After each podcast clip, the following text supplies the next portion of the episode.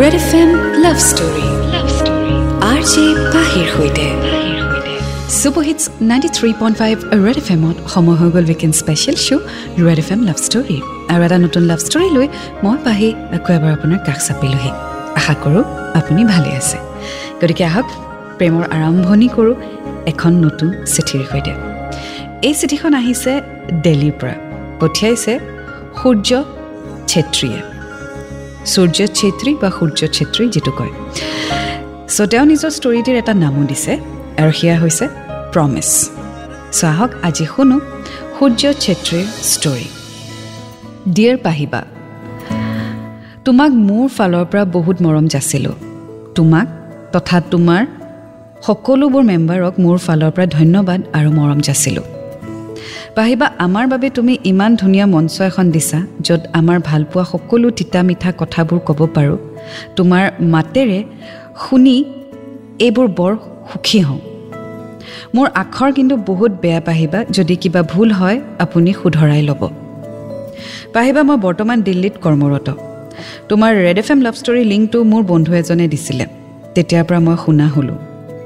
এতিয়া আহিছোঁ মোৰ লাভ ষ্টৰীটোৰ পিনে। মোৰ ঘৰ তেজপুৰত। আৰু তাইৰ ঘৰ জামুগুৰিত। পাহিবা আমাৰ লাভ ষ্টৰীটোৰ নাম দিব বিচাৰিছোঁ প্ৰমিছ প্ৰতিশ্ৰুতি। সেইদিনাখন মোৰ ছুটী আছিলে ডিচেম্বৰ মাহৰ কথা। অফিচ ছুটী হোৱাৰ বাবে বহুত ব'ৰ হৈ গৈছিলোঁ। মোবাইলতে ফেচবুকটো খুলিলোঁ।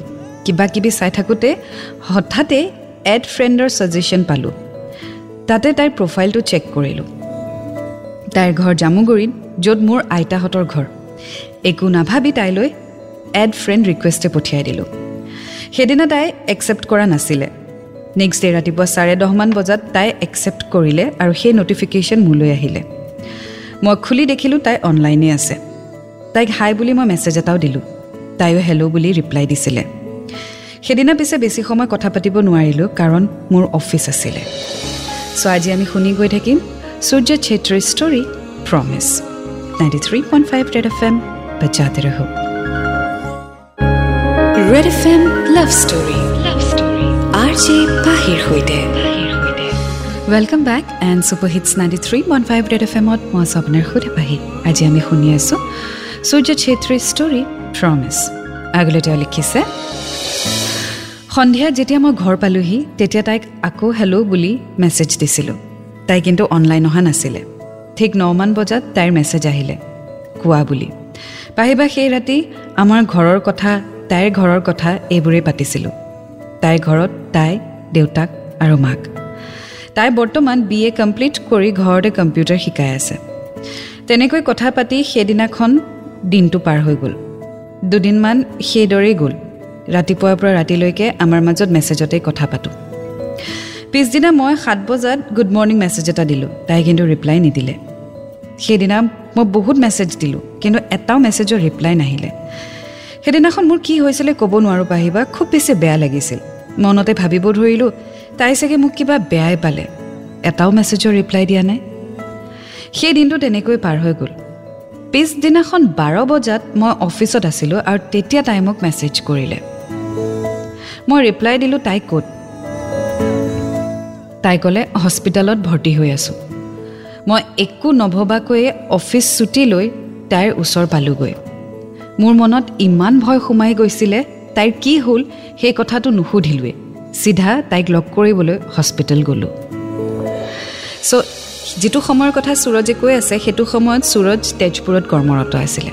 বৰ্তমান তেওঁ নিউ দিল্লীত চ' তেজপুৰলৈ হস্পিটেলত এই ছোৱালীজনী এডমিট হৈ আহিলে আৰু সেইকাৰণে সুৰজে ছেকেণ্ড থট নিদিয়াকৈয়ে ছুটি লৈ তাই থকা হস্পিটেলখনলৈ গুচি গ'ল। চ' আগলৈ কি হয় জানিবলৈ অকণমান অপেক্ষা কৰক and ninety three point five red F M বজাতে ৰহো red F M love story love story R J পাহিৰ সৈতে। Super hits ninety three point five red F এমত মই আপোনাৰ সৈতে Pahi and welcome back to the show' red F M love story আজি শুনি আছোঁ সূৰ্য ছেত্ৰীৰ ষ্টৰী প্ৰতিশ্ৰুতি প্ৰমিছ আগলৈ তেওঁ লিখিছে মই হস্পিটেল পালোঁগৈ। মোৰ মনত ইমানেই বেছি ভয় সোমাইছিল খেলি মেলি হৈ আছিল যে মই মেডিচিন ষ্ট'ৰত গৈ তাইৰ নাম আৰু নম্বৰ সুধিলোঁ। কেছ কাউণ্টাৰত বহি থকাজনে মোক খুব কেৰাহীকৈ চালে আৰু ক'লে বৰ্ডত নামবোৰ ওলাই আছে তাত চাবলৈ। মই লাজো পাইছিলোঁ পাহিবা সেইদিনা। তাৰ পাছত ওচৰত থকা গাৰ্ডজনে লেফ্ট ছাইডে নাৰ্ছজনীয়ে বহি আছে তেওঁলোকক সুধিবলৈ ক'লে। পাহিবা তাতো খেলি মেলি তাত মোৰ নামটো ক'লোঁ। তাইৰ নামটোও ক'লোঁ। তেওঁলোকে বিচাৰি পোৱা নাই কাৰণ তাইৰ নামত ৰেজিষ্টাৰ হোৱা নাছিলে। তাৰপিছত নাৰ্ছজনীয়ে ঠিকনা সুধিলে মই জামুগুৰি বুলি ক'লোঁ। তেতিয়া তেওঁ ক'লে আপুনি বিচৰা নামটো নাই কিন্তু ঠিকনাটিৰ সৈতে এজন পেচেণ্ট এডমিট আছে। মই ৰুম নম্বৰটো সোধাত তেওঁ ৰুম নম্বৰটো ক'লে আৰু মই দৌৰি ৰুম গ'লোগৈ। ৰুমত সোমোৱাৰ লগে লগে দেখিলোঁ তাই এফালে বিচনাত আৰু আনফালে তাইৰ পেহীয়েকৰ ছোৱালীজনী। দুয়োজনী কথা পাতি আছিলে। পাহিবা এইখিনিতে কথা এটা কওঁ। তোমাৰ চেনেলটো তেওঁৰ ঘৰৰ মানুহ আৰু মোৰ ঘৰৰ মানুহে শুনে। আপোনাৰ প্ৰগ্ৰেমটো খুব ভাল পায়। গতিকে সেইবাবে মই তাইৰ নামটো গোপনে ৰাখিছোঁ। তাই মোক দেখি আচৰিত হৈ গ'ল পাহিবা এইটো সময়ত অফিচত থকা মানুহজন ইয়াত আহিলোঁ যে সেই কথাষাৰ তাই সুধিলে। তাইক দেখি মোৰ চকু চলচলীয়া হৈ গৈছিলে। তাইৰ ওচৰত মই বহিলোঁ। তাই নিজৰ পেহীয়েকৰ ছোৱালীৰ লগত মোক চিনাকি কৰাই দিলে। তথাপিও মই নৰ্মেল হ'ব পৰা নাছিলোঁ। সেইটো দেখি তাই মোৰ হাতখন ধৰি মোৰ পিনে চাই ক'লে টেনশ্যন নল'বা মই ঠিককৈ আছোঁ। সেইদিনা তাইৰ লগত বহুত কথা পাতিলোঁ। চ' সূৰ্য ইমানেই বেছি নাৰ্ভাছ হৈ গ'ল তাকো ফেচবুকত লগ পোৱা ছোৱালী এজনী যাৰ লগত তেওঁ ফেচবুকতেই কথা পাতে মানে মেছেঞ্জাৰত কথা পাতে আৰু এটা ঘনিষ্ঠতা বাঢ়ি গ'ল তেওঁলোকৰ আৰু ছোৱালীজনীৰ বেমাৰৰ কথা গম পোৱাৰ লগে লগে একো চিন্তা নকৰি তেওঁ হস্পিটেল পালেগৈ। চ' আগলৈ কি হয় জানিবলৈ অকণমান অপেক্ষা কৰক।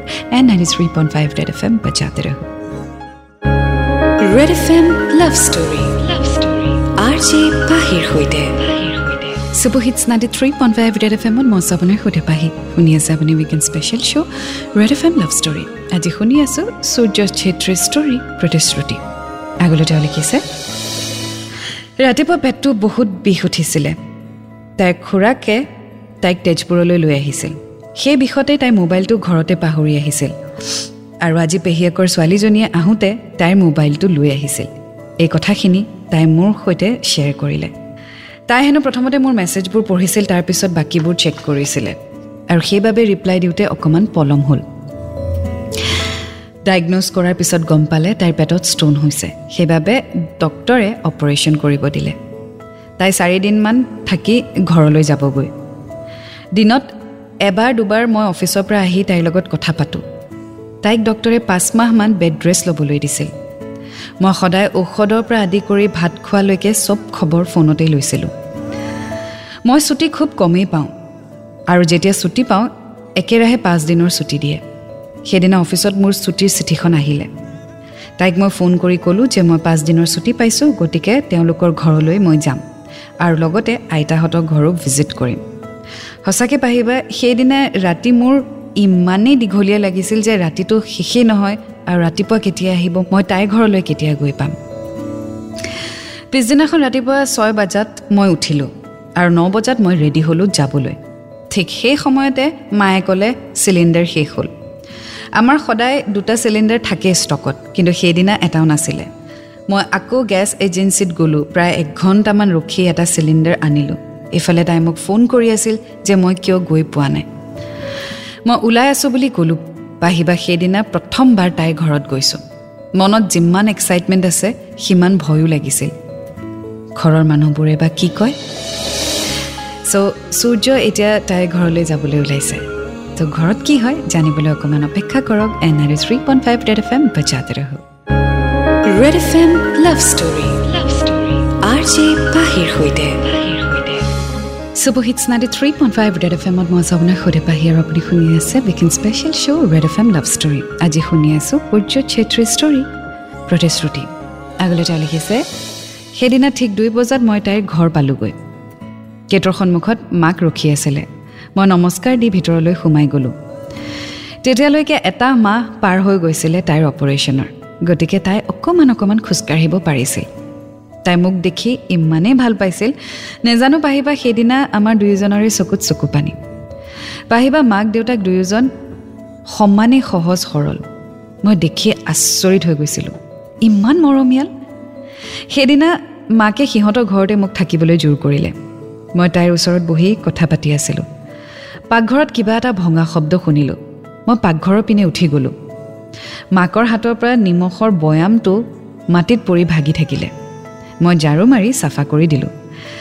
ৰুমলৈ আহি তাইক কথাখিনি ক'লোঁ। তেতিয়া তাইৰ পৰা গম পালোঁ মাকে হেনো চকুৰে কম দেখে। মই তেতিয়া কাম কৰা ছোৱালী ৰখাৰ কথা ছাজেষ্ট কৰিলোঁ। কিন্তু তাত তেনেকুৱা ধৰণৰ মানুহ কাম কৰিবলৈ নাপায়। সেইখিনি সময়ত পাহিবা মোৰ বহুত বেছি দুখ লাগিলে। মই তাইক ৰুমত আৰাম কৰিবলৈ কৈ চিধাই পাকঘৰত সোমালোঁ। এনেও মোৰ কুকিং প্ৰিয় আছিলে। মই তেওঁৰ ওচৰত গ'লোঁ আৰু মাকক সুধিলোঁ মই মা বুলি সম্বোধন কৰিব পাৰিম নে নোৱাৰিম?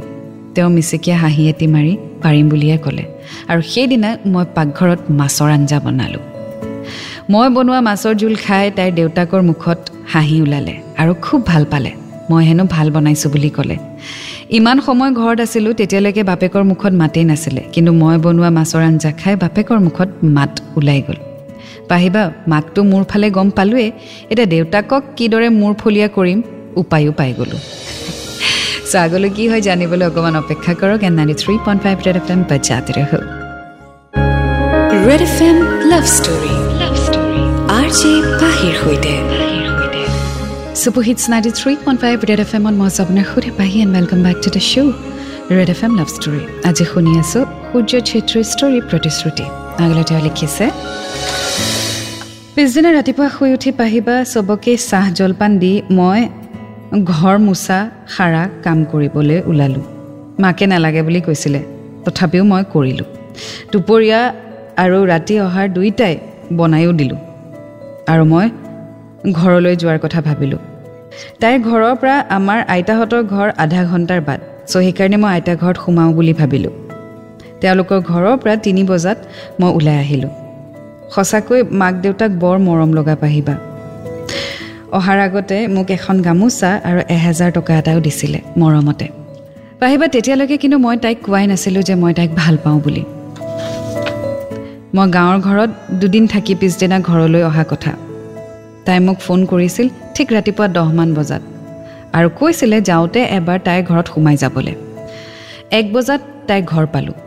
পাহিবা মোৰ বাবে মাক দেউতাকে নতুন কাপোৰ কিনি আনিছে। মই ক'লোঁ এইবোৰ কিয় কৰিলে? তেওঁলোকে মৰমতে দিয়া বুলি ক'লে। সেইদিনা মোক আকৌ তেওঁলোকৰ ঘৰত থাকিবলৈ জোৰ কৰিলে। পাহিবা সেইদিনা ৰাতি তাই মোক কাষলৈ মাতিছিলে আৰু ক'লে যে এদিনতে হেনো মই তাইৰ মাক দেউতাকৰ মনত ঠাই বনাই ল'লোঁ। তেতিয়া মই তাইক সুধিছিলোঁ তাইৰ মনত ঠাই পামনে? তাই অলপ লাজ কৰিছিলে।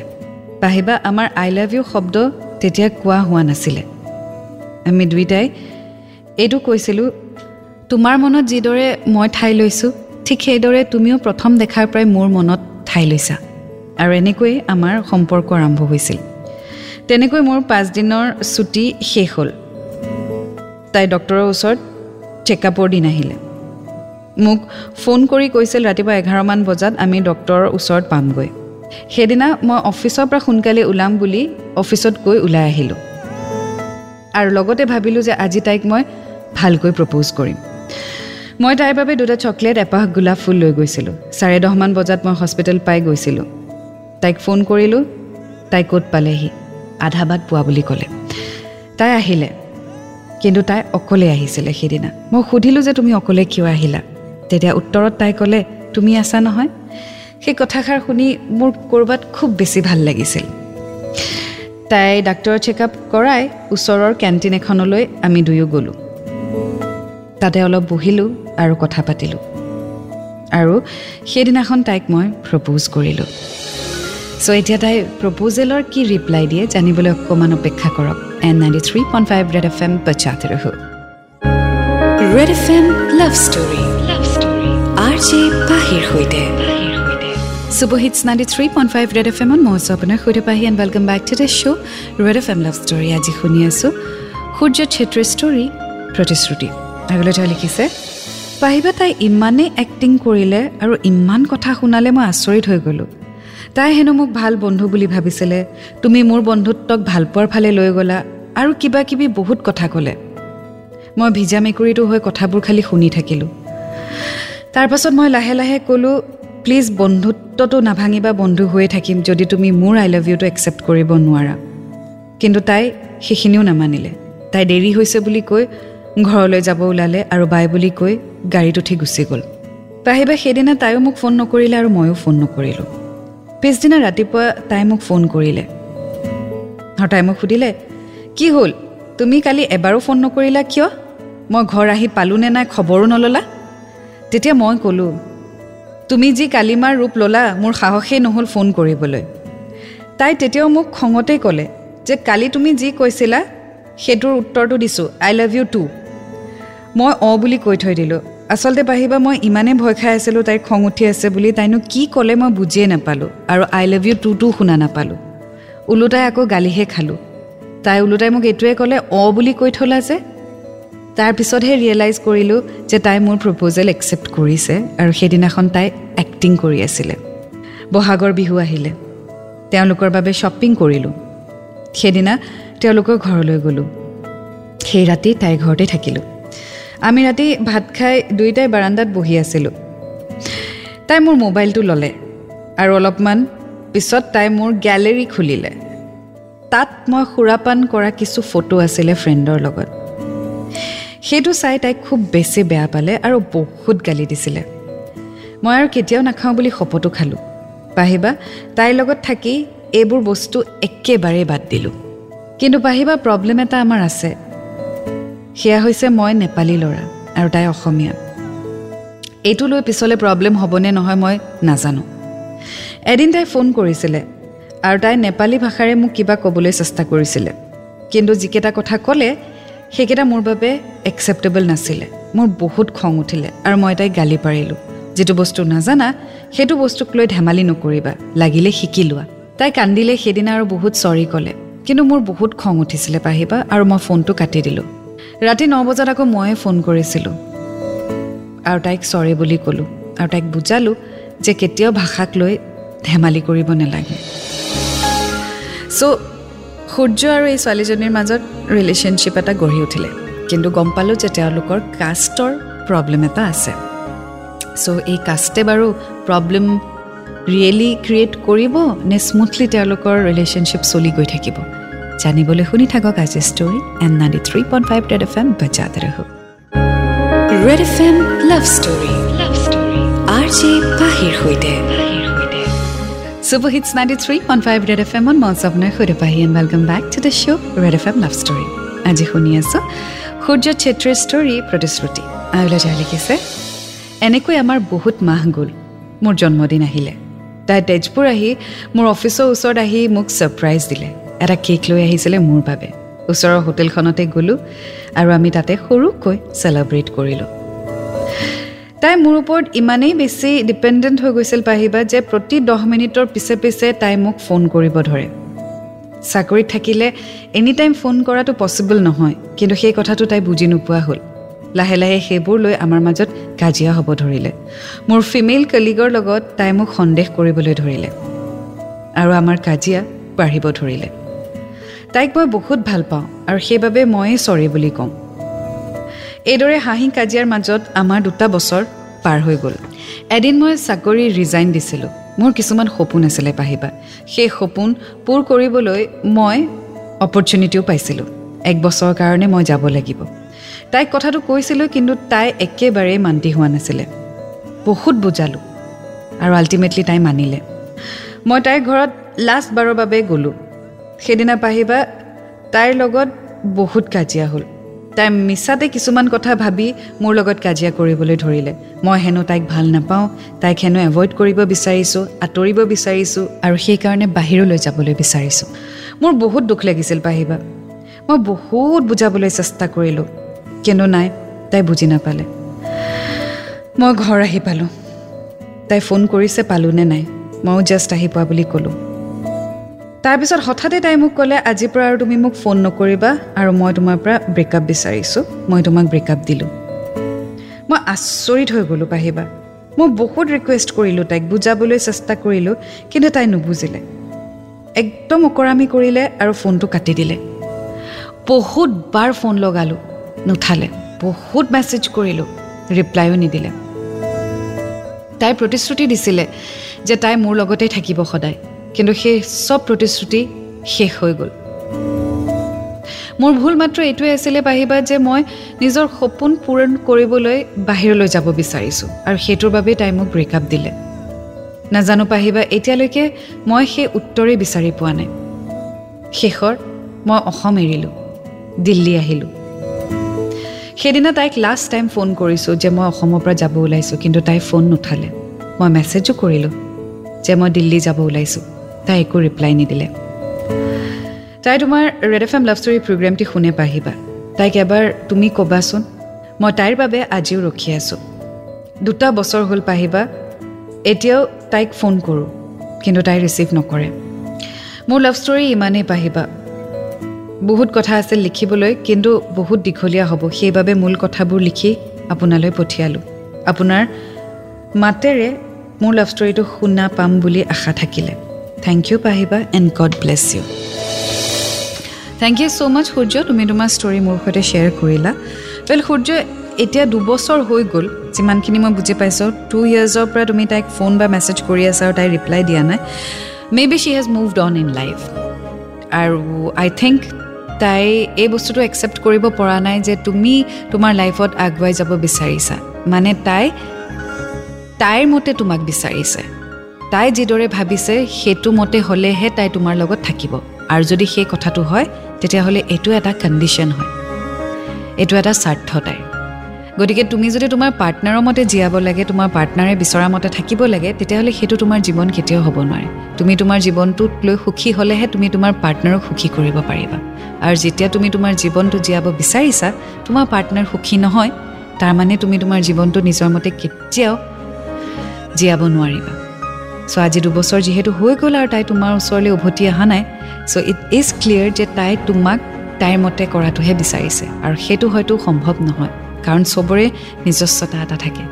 এণ্ড আই এম চিয়'ৰ যে লাইফত তুমি এনেকুৱা এজনী ছোৱালী পাবা যিয়ে তোমাক তোমাৰ দৰে তোমাৰ লাইফক একচেপ্ট কৰিব যিদৰে তুমি ভাল পোৱা। আৰু সেই দিনটোৰ বাবে ৱেইট কৰা। This is not the right time and I wish you all the best so' এয়া আছিলে আজিৰ ষ্টৰী প্ৰতিশ্ৰুতি। প্ৰমিছ এটা নতুন ষ্টৰীৰ সৈতে আকৌ লগ পাম until then to fall in love it's a great feeling you will get to learn a lot and always remember I love you ninety three point five red F M বাজাতে ৰহো